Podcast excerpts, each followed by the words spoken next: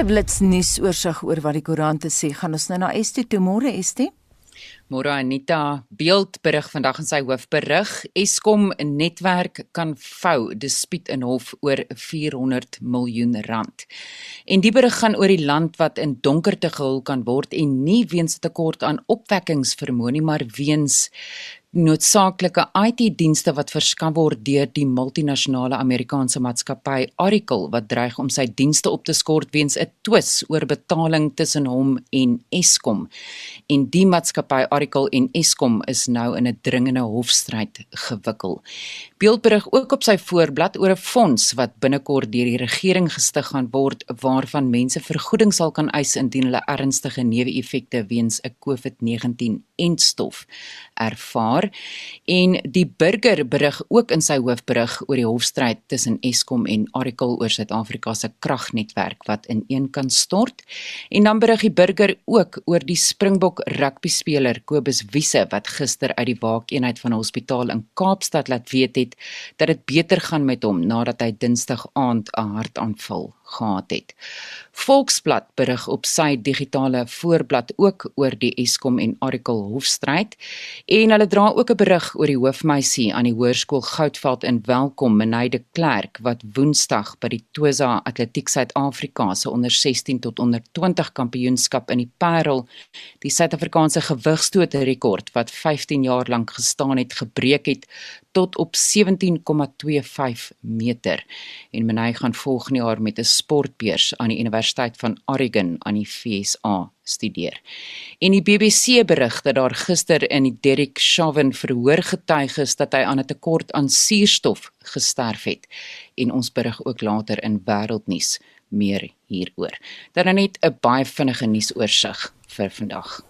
En dan 'n lekker SMS vraag vir 'n Vrydag. 'n Bekende aardappelskyfie vervaardiger het nou 'n nuwe veldtog geloods waarin verbruikers kan verbruikers kan stem oor watter geur aardappelskyfies hulle gunsteling is. Ek dink nou dadelik aan myne. Die drie geure waarvoor jy kan stem is tomatiesous, kaas en eie en sout en asyn. Nou die een wat die minste stemme kry, sal van die rakke verwyder word. Ons wil by jou weet as jy enige geur skyfies, koeldrank of lekker goed van die rak af sou kon verwyder. Wat sou jy verwyder en hoekom? En wat sou jy wou hê moet terugkom as mens nou terugdink aan lekker goed van die jare 60, 70 en 80s? Stuur vir ons 'n SMS na 45889, dit kos R1.50 of gaan na facebook.com vorentoe skynstreep ZRC of WhatsApp vir ons stemnota na 076 536 6961. Die minister van Gesondheid, Zweli Mkhize, sê die regering het 51 miljoen dosisse COVID-19-enstof bekom wat later die maand in die land sal aankom. Mkhize het gister inentingsfasiliteite in Gauteng besoek om die gereedheid vir die implementering van fase 2 van die inentingsprogram te ondersoek. Hy sê die regering het ooreenkomste met Pfizer en Johnson & Johnson onderteken. Justin Kennedy het meer. Die eerste fase van die inentingsprogram wat gesondheidswerkers teiken, sal op 17 Mei voltooi wees. Mkhize sê die volgende fase van die inentingsprogram wat bejaardes en noodsaaklike werkers sal teiken, begin op 18 Mei en sal 6 maande neem om te voltooi. We have now secured a combined 51 million doses of vaccine in the agreements that have been signed. 31 million from Johnson & Johnson, which is a one-dose vaccine, and then 20 million from Pfizer, which is two-dose vaccine. We have also got a, a, letter that's indicated that there will be some vaccines coming from the COVAX uh, facility. At the moment, they've only spoken about 1.25 million. We can now move ahead with confidence as we finalize our plans for our mass rollout campaign. Mkhize sê hulle het al die geld teruggekry wat spandeer is op die AstraZeneca COVID-19-enstof. We want to indicate that the, all of the AstraZeneca vaccines have been salvaged. One million doses that we had received, we've sold them to the African Union platform and they've been distributed to many African uh, countries. And the difference between us and some of these countries is the fact that they actually don't have the same variant. Treasury has confirmed that the Serum Institute of India has fully refunded us for the remaining 500,000 doses that had not been delivered to South Africa and the money is now already in our bank account. Daar is egter verpleegsters wat sê die inentingsproses is vir hulle 'n frustrasie. Suster Elsie Shebu sê ten spyte daarvan dat sy geregistreer het vir die inenting, is sy al twee keer huis toe gestuur sonder 'n inspuiting. So we have been sent up and down to come here to, to get the vaccine. We are the frontliners, mama. Ne? So we need them to send the vaccine to our clinics. We are diabetics. We've got high blood. We are hungry now. So we need to be injected today. We have been waiting in our clinic. It has been four months. It's the second time we are coming in, in this Joburg chair yes. and then we are sent back. They said the vouchers are not there. Which vouchers? We don't know about the vouchers. Johnson & Johnson sal na verwagting later van dese maand meer as 1 miljoen enkeldoses en stowwe aan Suid-Afrika lewer. 900 000 dosisse sal ook in Mei en Junie afgelewer word. Die Wes-Kaapse premier, Ellen Mundy, sê die provinsie het regerings in die buiteland genader vir bykomende dosisse en stof om die Pfizer en Johnson & Johnson voorraad wat hy van die regering ontvang aan te vul. Die Wes-Kaap beplan om daagliks meer as 30 000 mense in te ent en sal begin by mense wat ouer as 60 is. Hierdie verslag is saamgestel met die hulp van Prabashni Moodley en ek is Justin Kennedy vir SAK nuus. Die vraag is egter sal die COVID-19 inentingsprogram behoorlik geïmplementeer kan word sodra al die beloofde enstowwe wel in Suid-Afrika aankom. Professor Alex van der Heever van Wits Universiteit se skool vir regeringskunde sê daar is genoeg hulpbronne en kenners om die proses te implementeer. Hy sê die grootste vraag is egter of die regering alles sal kan koördineer. I think we certainly have the capability across the two systems, the public and the private, as well as uh, non-clinical settings, to organise this. The question, though, is whether or not people have, government has essentially put the platforms together that would kind of get this ground game going. And it's very unclear where that is. And it appears to be quite late in starting, although I think there have been kind of conceptual preparations rather than actual preparations on the ground. Van den Heever sê die suksesvolle verspreiding van die enstowwe gaan ook afhang van die staat se vermoë om alle inligting tot hulle beskikking behoorlik aan te wend. But it also includes the ability to coordinate the sort of supply and demand aspects of this. So if you're operating a nationwide booking system, that needs to be reliable so that you can make sure that the doses are at the correct vaccination sites based on the booking systems. So that I think is absolutely crucial to an effective rollout. So the number of sites complicates things, but if the information system isn't running properly, then you're going to have doses arriving and people not, or the other way around. Um, you're going to have lots of doses accumulating at the wrong sites. And in the case of Pfizer, you've got a limited time to uh, to vaccinate. You've got to get them out because of their sort of special requirements.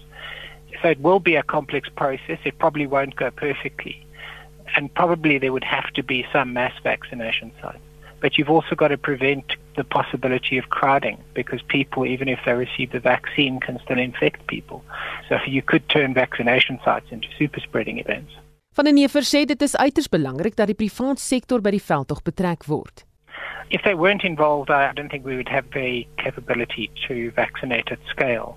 And there's a problem with that because in the case of Johnson and Johnson, they're intending to export their vaccines and they're producing a million doses a day. And if South Africa only ends up vaccinating 10 to 20,000 people a day, they will export the difference, which will be a huge loss from our perspective.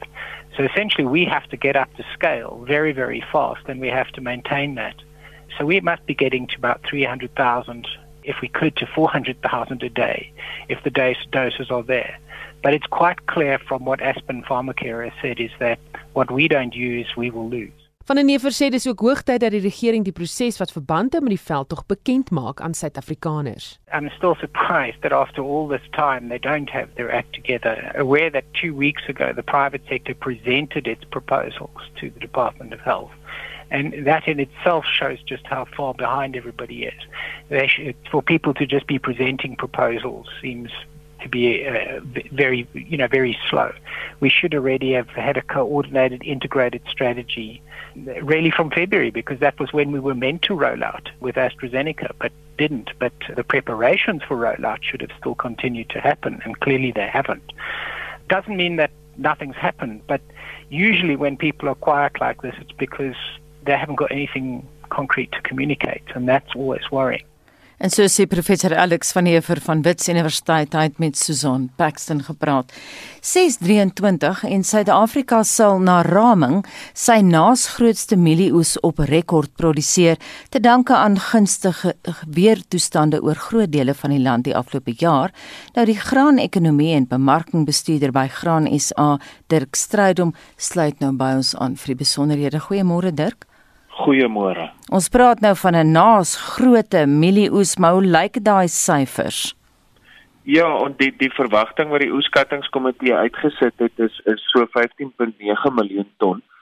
Ehm um, ja, en dis dis dis dis dis dis dis nog 'n wesenlike oes wat wat hulle skat vir ons. So vir die produsente dink ek is baie positief. Ons het 'n paar jare gehad waar waar ons regtig nie goeie oeste gehad het nie weens weens die weeromstandighede wat net nie gehelp het nie. So so dis vir ons goeie nuus dat daar dat daar dat daar verwagtinge is van goeie opbrengste. Ehm um, dit dit bly nog 'n skatting.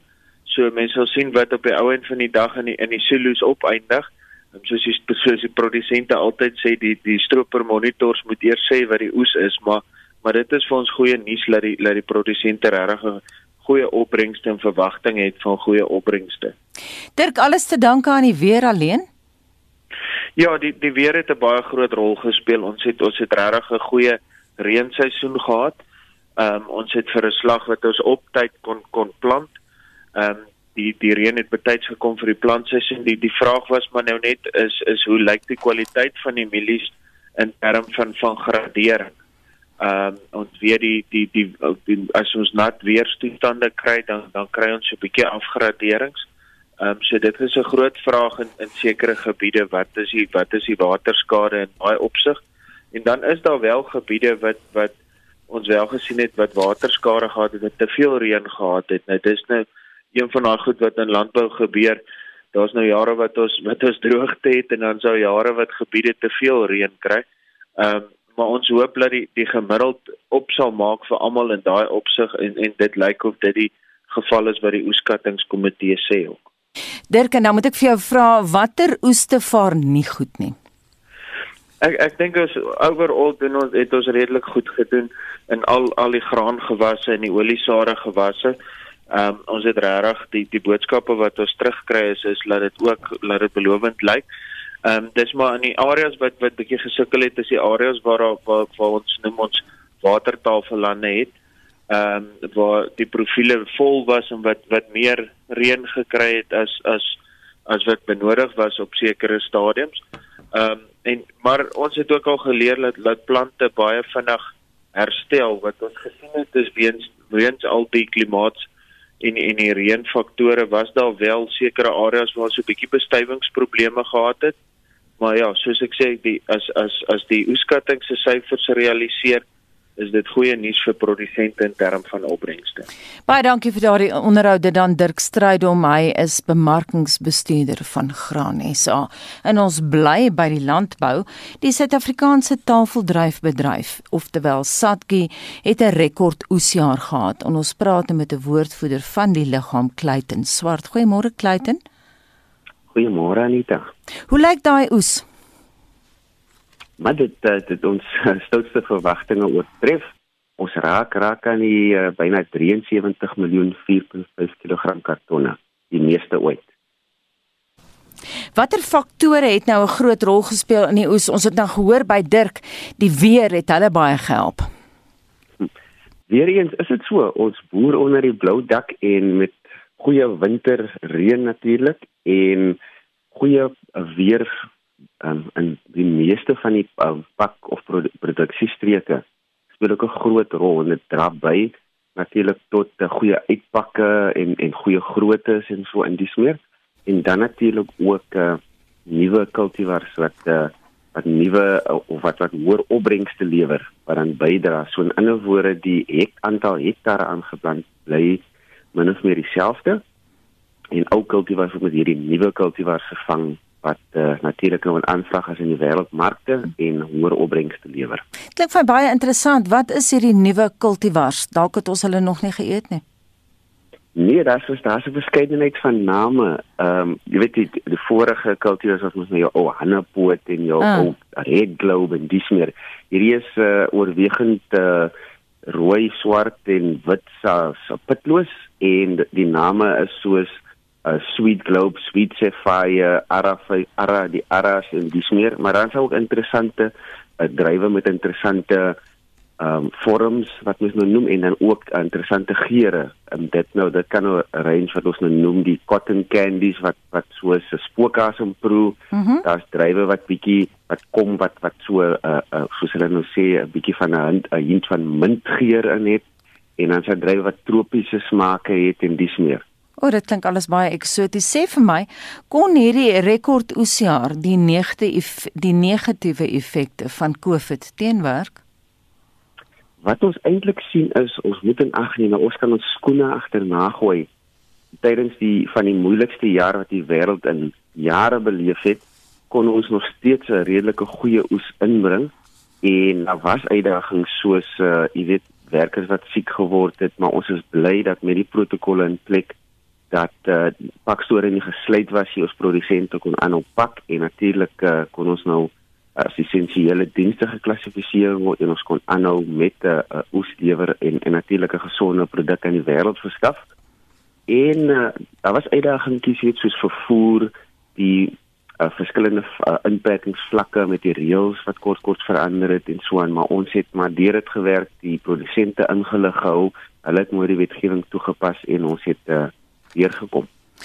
Ek moet sê ek weet die Chilene want ek was lank daar. Hulle vervaardig baie vrugte en hulle is 'n konkurrent in hierdie bedryf, maar ek kan nie dink dat hulle kruisement geur of 'n spookasem geur sal in hulle drywe nie. Wie is ons groot mededingers vandag in terme van tafeldrywe?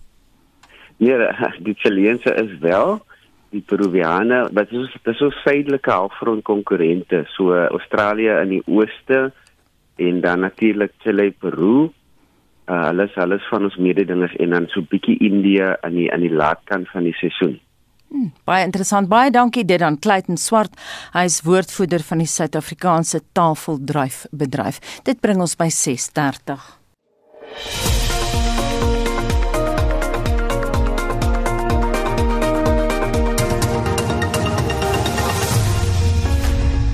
Heinrich, hoe lyk daai SMS terugvoer? Anita sê ons wil vanoggend weet uh na aanleiding daarvan dat 'n bekende aardappelskyfie vervaardiger 'n nuwe veld van stapel gestuur het waar hulle nou verbruikers vra om te stem oor watter geur aardappelskyfies hul gunsteling is en die wat sê meer dat die minste gunsteling die sal dan van die rakke verwyder word.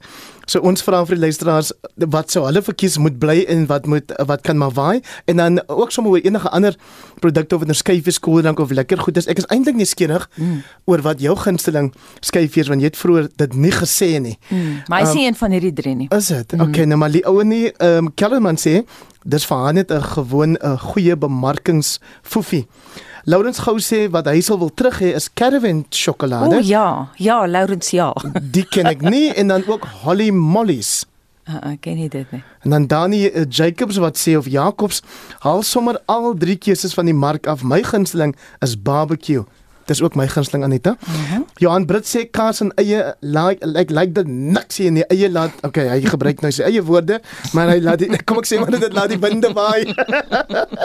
en dan William se son uh, en sy son Lou sê ek sal graag die program wakker op RSG wou terugbring en dit is nou nogals opvallend dat in die in die SMS'e vanoggend praat baie van die luisteraars nog steeds uh, oor ons program verandering vroegoggend program verandering. Ehm um, en dan hierdie boodskap van een van KZN die sê Simba vat sout en asyn weg asseblief. My gunsteling is bladjang jam. En dan iemand anders wat skryf weg met die chutney chips. Bring asseblief zoom roomys en die wafer roomys wat hmm. pink en wit was terug. Ken jy dit? Ja, die zoom roomys van die 60er jare. Dit gelyk soos vuurpyle. Ek stem absoluut saam. Gaan ek weer aan die dae van Dit was jy weet dit was die tyd van ruimteverkenning en so aan. So zoom dit was baie gewild. Ek dink dit was net Chevrolet. ek maar jy kan vir ons jou gedagtes stuur na 45889 en dit kos jy R1.50 per SMS. Anders kan jy saamgesels op die Monitor en Spectrum op RSG Facebook bladsy of jy stuur vir ons 'n kort stemnota via WhatsApp na 0765366961. Ek sal die nommer herhaal. 0765366961. 634 en John Justus het gereed met sporthoogtepunte. Ons val weg met cricketnuus. Die 2021 weergawe van die Indiese Premier Liga begin vanmiddag met 'n kragmeting tussen die verdedigende kampioene, die Mumbai Indians en die Royal Challengers Bangalore.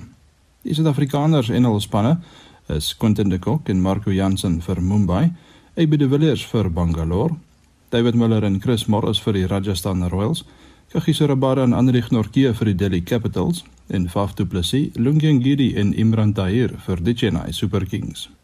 Onthou gerus dat die T20 reeks van 4 wedstryde tussen Suid-Afrika en Pakistan môre op die Wanderers in Johannesburg begin. Die tweede wedstryd vind ook in Johannesburg plaas en die laaste twee word op SuperSport Park in Centurion gespeel.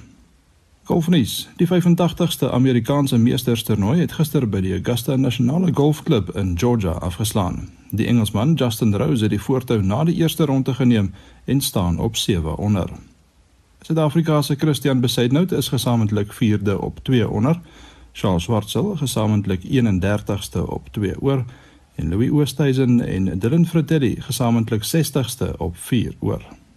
Die plaaslike Cara Gorley en Caitlin McNabb is die gesamentlike voorlopers by die vroue sonskynreeks se Kaapstad Ope by die Royal Cape Golf Club en staan op 5 onder met nog een ronde wat oorbly. Sokker. In gisteraand se eerste been van die Europese Liga kwart eindstryde het Ajax Amsterdam 2-1 teen Roma en Dynamo Zagreb 1-0 teen Villarreal verloor. Manchester United het weg 2-0 teen Granada geseëvier en Arsenal en Slavia Praag het 1-1 gelyk opgespeel. In die laaste groepswedstryde van die Afrika Kampioenligga speel Mamelodi Sundowns vanmiddag 3 uur teen CR Deluda van Algerië en Kaizer Chiefs môre aan 6 uur in Genee teen Horoya. Orlando Pirates en Al Ahly Benghazi van Libië sê mekaar Sondag aan 6 uur in die Konfederasiesbeker toernooi die stryd aan. In die DStv Premier Liga kom Stellenbosch FC vanmiddag 5 uur teen AmaZulu, Cape Town City môremiddag 3 uur teen SuperSport United en Golden Arrows Sondagmiddag 3 uur teen Bloemfontein Celtic te staan. Van die naweek se ander groot wedstryde sluit in in Engeland Sondagmiddag net na 3 West Ham United teen Leicester City en half 6 Tottenham Hotspur teen Manchester United. In Spanje meet Real Madrid môre aand 9 uur teen Barcelona en in Duitsland Eintracht Frankfurt môremiddag half 4 teen Wolfsburg kragte. Swemnies. Op dag 2 van die SA swemkampioenskappe by Newton Park in Port Elizabeth het Chad Leclerc die 200 meter vlinderslag in 1 minuut 55.88 sekondes gewen. In die vroue afdeling het Erin Gallagher die muur in die 100 meter vryslag in 54.89 en Dunay Kutse die muur in die 200 meter vlinderslag in 2 minute 13.87 sekondes geraak. Rugby. Die tellings in gister se tweede ronde van die Wasdi beker reeks was: Maties 43 UWC 21 Tikkie 47, UJ 19, CUT 51, Madibas 13, UCT 40, Wits 22 en Noordwes Arende 32, Shimlas 22. In die Australiese binnelandse Super Rugby reeks draf die Rebels 11:45 in Melbourne teen die Force en die Reds môreoggend 10:45 in Brisbane teen die Brumbies op die veldtyd. In die Super Rugby reeks Nieu-Seeland takel die Highlanders en Chiefs mekaar môreoggend net na 9 in Dunedin en die Hurricanes en Crusaders mekaar sonoggend net na 05:30 in Wellington. En laastens in Kanovaartnuus. Die Fen SA Surfski Kampioenskappe vind môre en Sondag in Durban plaas. Die enkelski word môre en die dubbelski afdeling Sondag afgehandel. Ou bekendes soos Hank McGregor en Andy Burkett se name is ook op die inskrywingslys. Shaun Schuster SAK Sport. Die onafhanklike verkiesingsowerheid sê hulle reëlings vir vanjaar se plaaslike verkiesings is goed op dreef. Dit ten spyte van 'n versoek deur sommige politieke partye dat die verkiesing uitgestel moet word tot 2024. Hulle voer aan daar se genoeg tyd om stemme te werf tydens die pandemie en die inperking nie en vir sy mening daaroor praat ons met die politieke en beleidsontleder Theo Venter. Môre Theo. Goeiemôre Anita. Gaan ons van die jare verandering sien in die steun wat politieke partye by die stembus kry juis weens die inperking? Ja, baie beslis. Ehm um, COVID-19 het 'n impak um, op die politiek. Ehm um, dit uh, dit sien ons in in verkiesings wat reg oor die wêreld plaasvind het en dit sien ons ook in ehm um, van die plaaslike verkiesings wat ons nou al op sulke super woensdae gehad het uh, twee of drie keer in Suid-Afrika sedert die die uitbraak um, van die pandemie. Ehm um, dit gaan dit gaan basies daaroor dat uh, dit 'n abnormale situasie is en ek dink um, mense beoordeel die owerheid nou met 'n vergrootglas want ehm um, uh, of jy nou 'n enstof kry en of daar spesiale reëlings getref word en of mense hulle steur aan regeringsbeleid ehm um, die maak ehm, 'n um, groot verskil en baie dienste en plaaslike regeringsverkiesings is veral diensgeoriënteerde verkiesings het skibreek gelei um, in die in die tyd. So um, ja, ek dink dit gaan beslis 'n verskil maak. Nou die ANC het verskeie naamsveranderings aangekondig. Die sosiale media was vol grappe veral oor die verandering van die baie se naam. Is dit deel van hulle strategie om stemme te werf soos wat die DA beweer? Ek is nou al uh, hier op die kantlyn besig met die hele studie van naamsveranderinge vir 'n baie lang tyd. Ons ons in ons sien dit kom in skegolwe.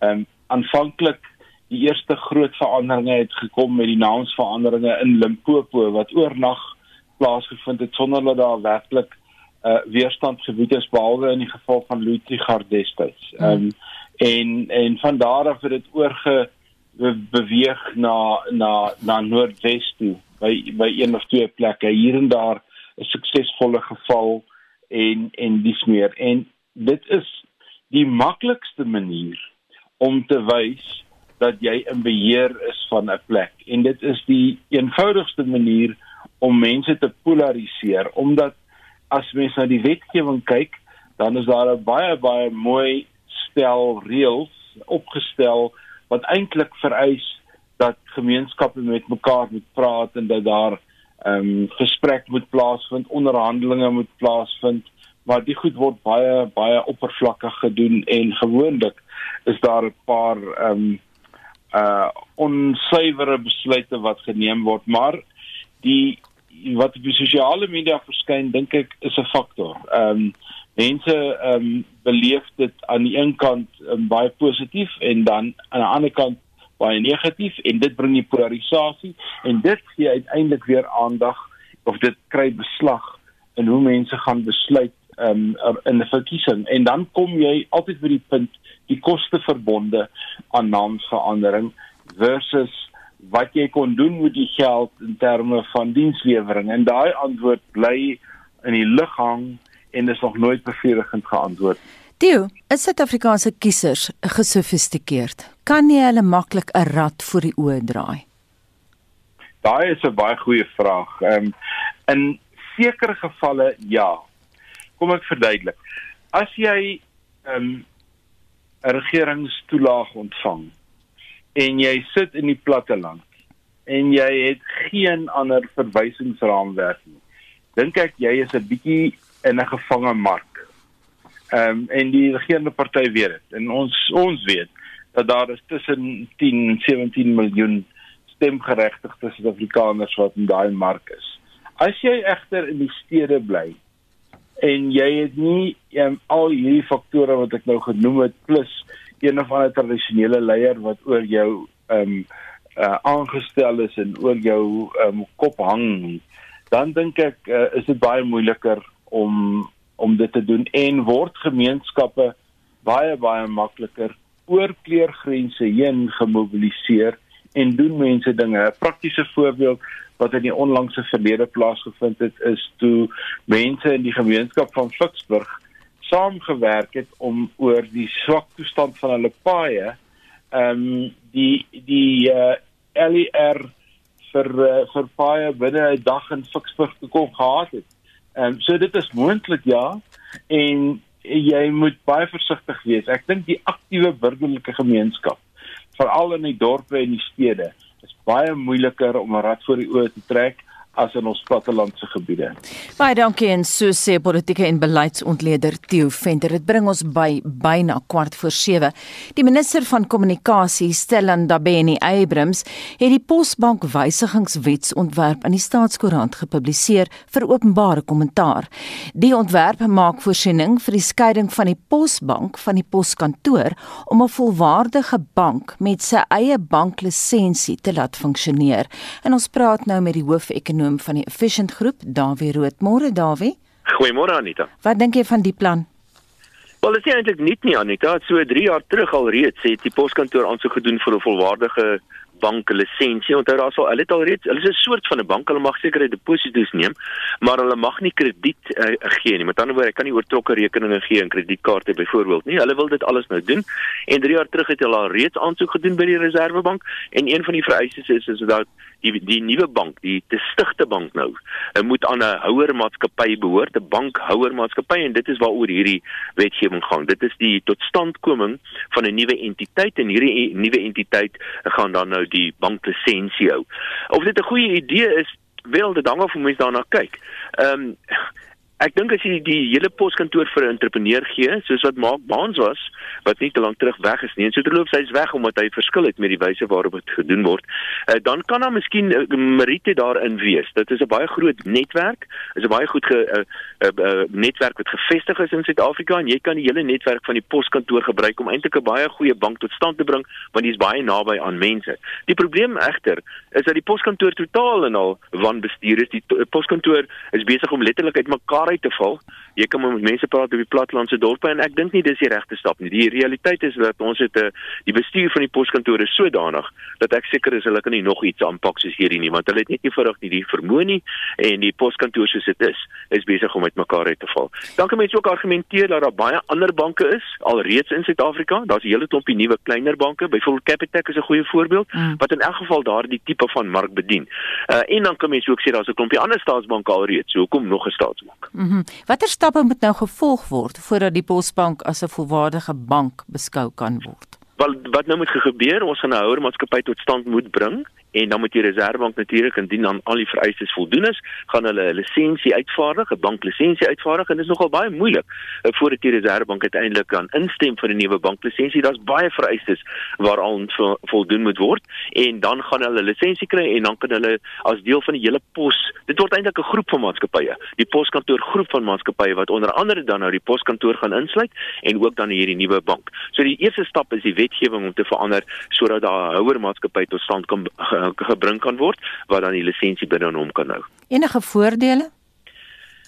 Wel, daar kan hang af van die van die kwaliteit van die bestuur kan 'n sekerlike voordele in wees, maar ek dink nie die kwaliteit van die bestuur van die poskantore is sodanig dat ons enige voordele hieruit gaan sien nie. Dit gaan vir ons 'n hele klompie geld kos om 'n bank tot stand te bring. Moet jy baie groot deposito's hê? Daar's baie streng vereistes waaraan voldoen moet word en jy moet ook natuurlik baie bekwame mense hê om 'n bank te mag bestuur. Onthou banke leen geld uit.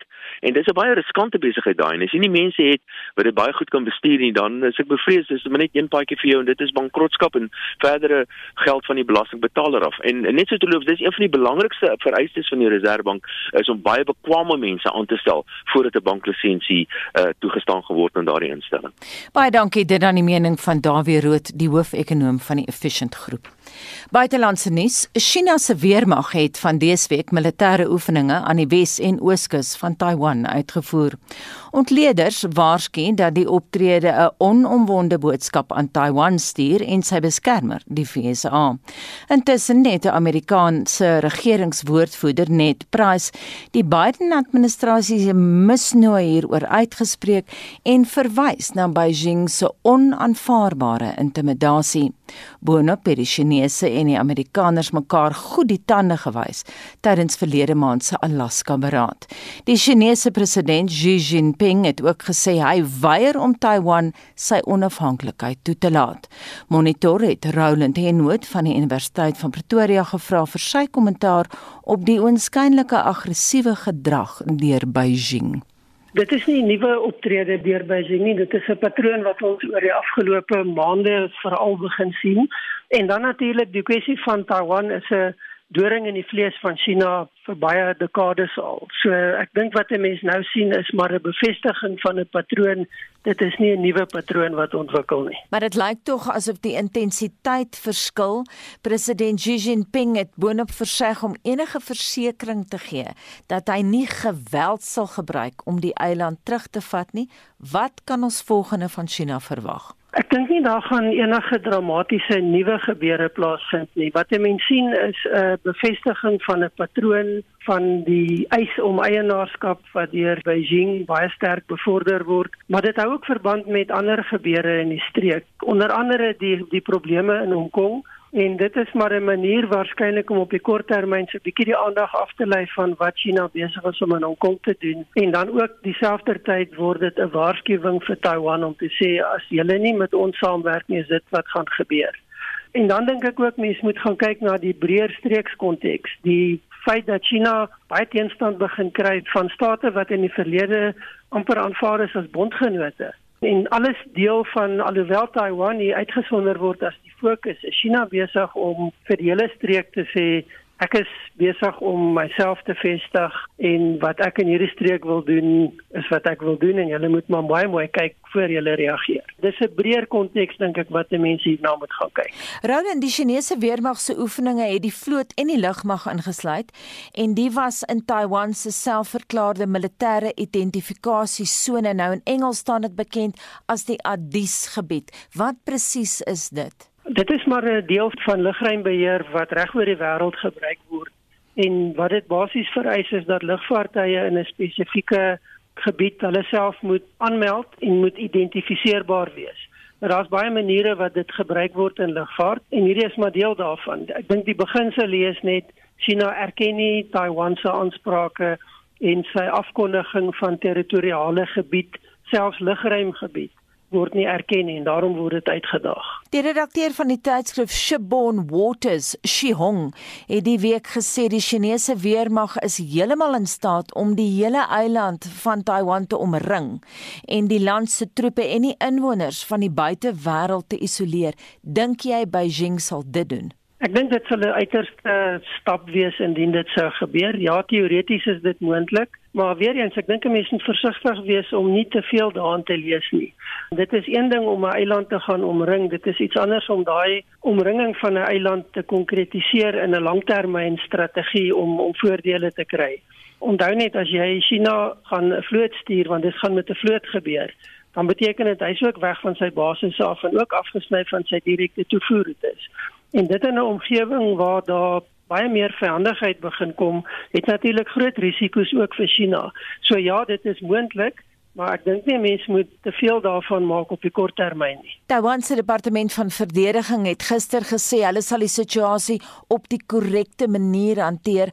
Hy het die woord appropriate gebruik. Wat is Taiwan met sy 24 miljoen inwoners se opsies nou? Daar's verskeie opsies. Ehm um, Taiwan het 'n sterk militêre mag van sy eie met baie sterk bondgenootskappe en natuurlik baie sterk ondersteun deur die Verenigde State van Amerika ook die militêre industriële kompleks in die VSA.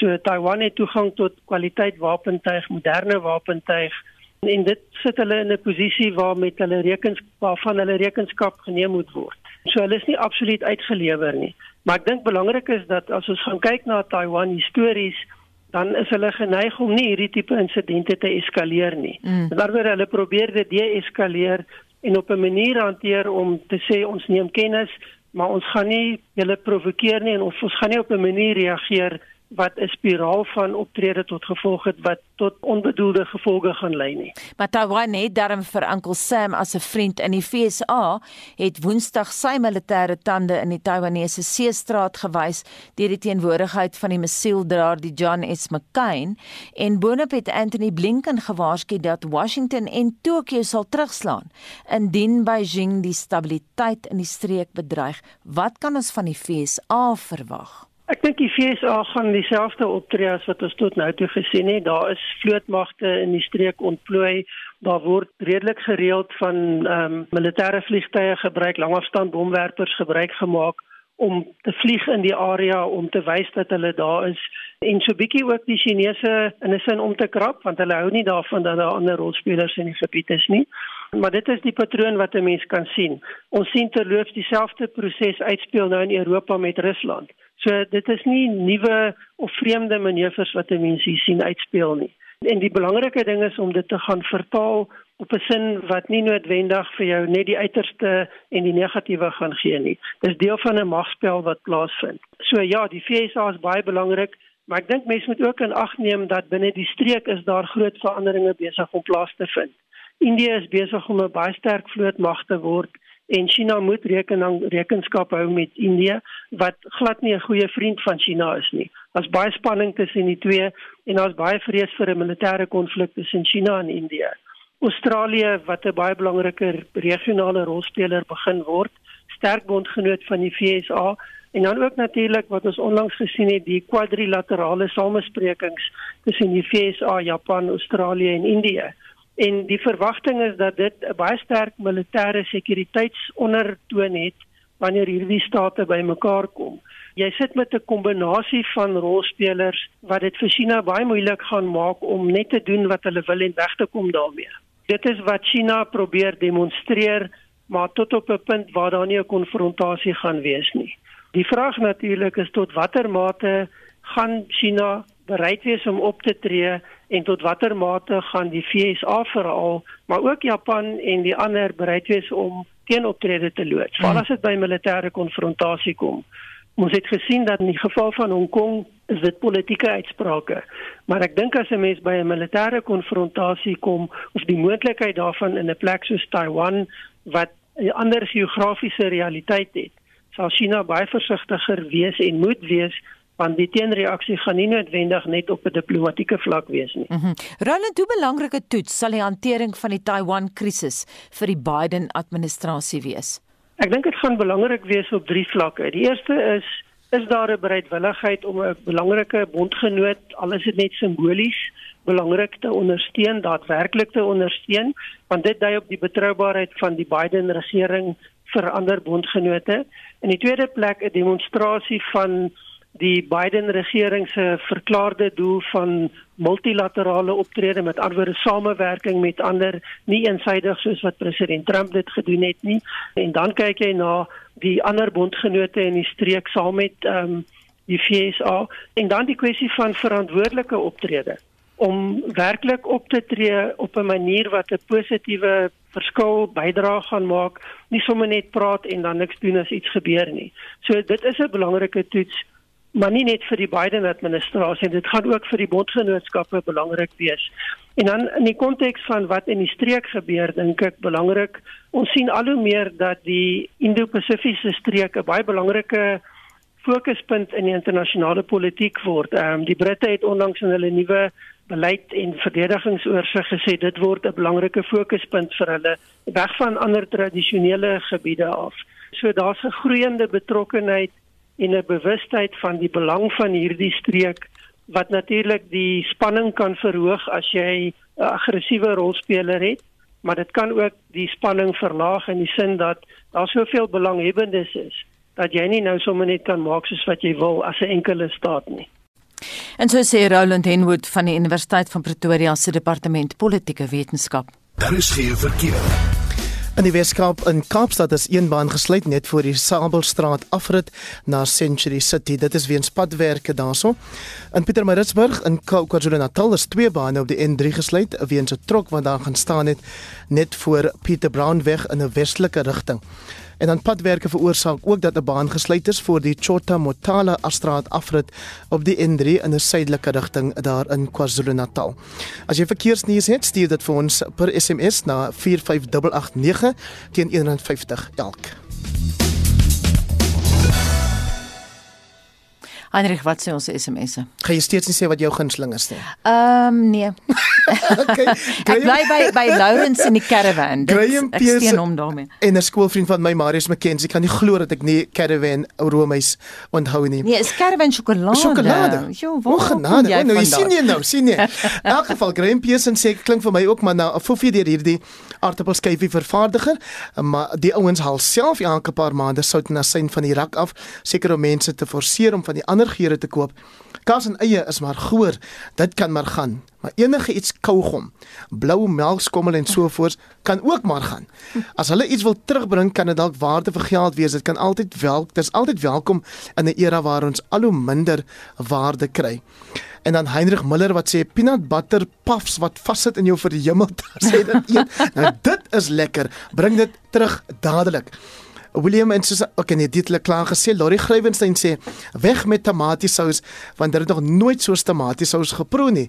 Terug met kreols nou dit onthou ek van skool daar af um, Anita.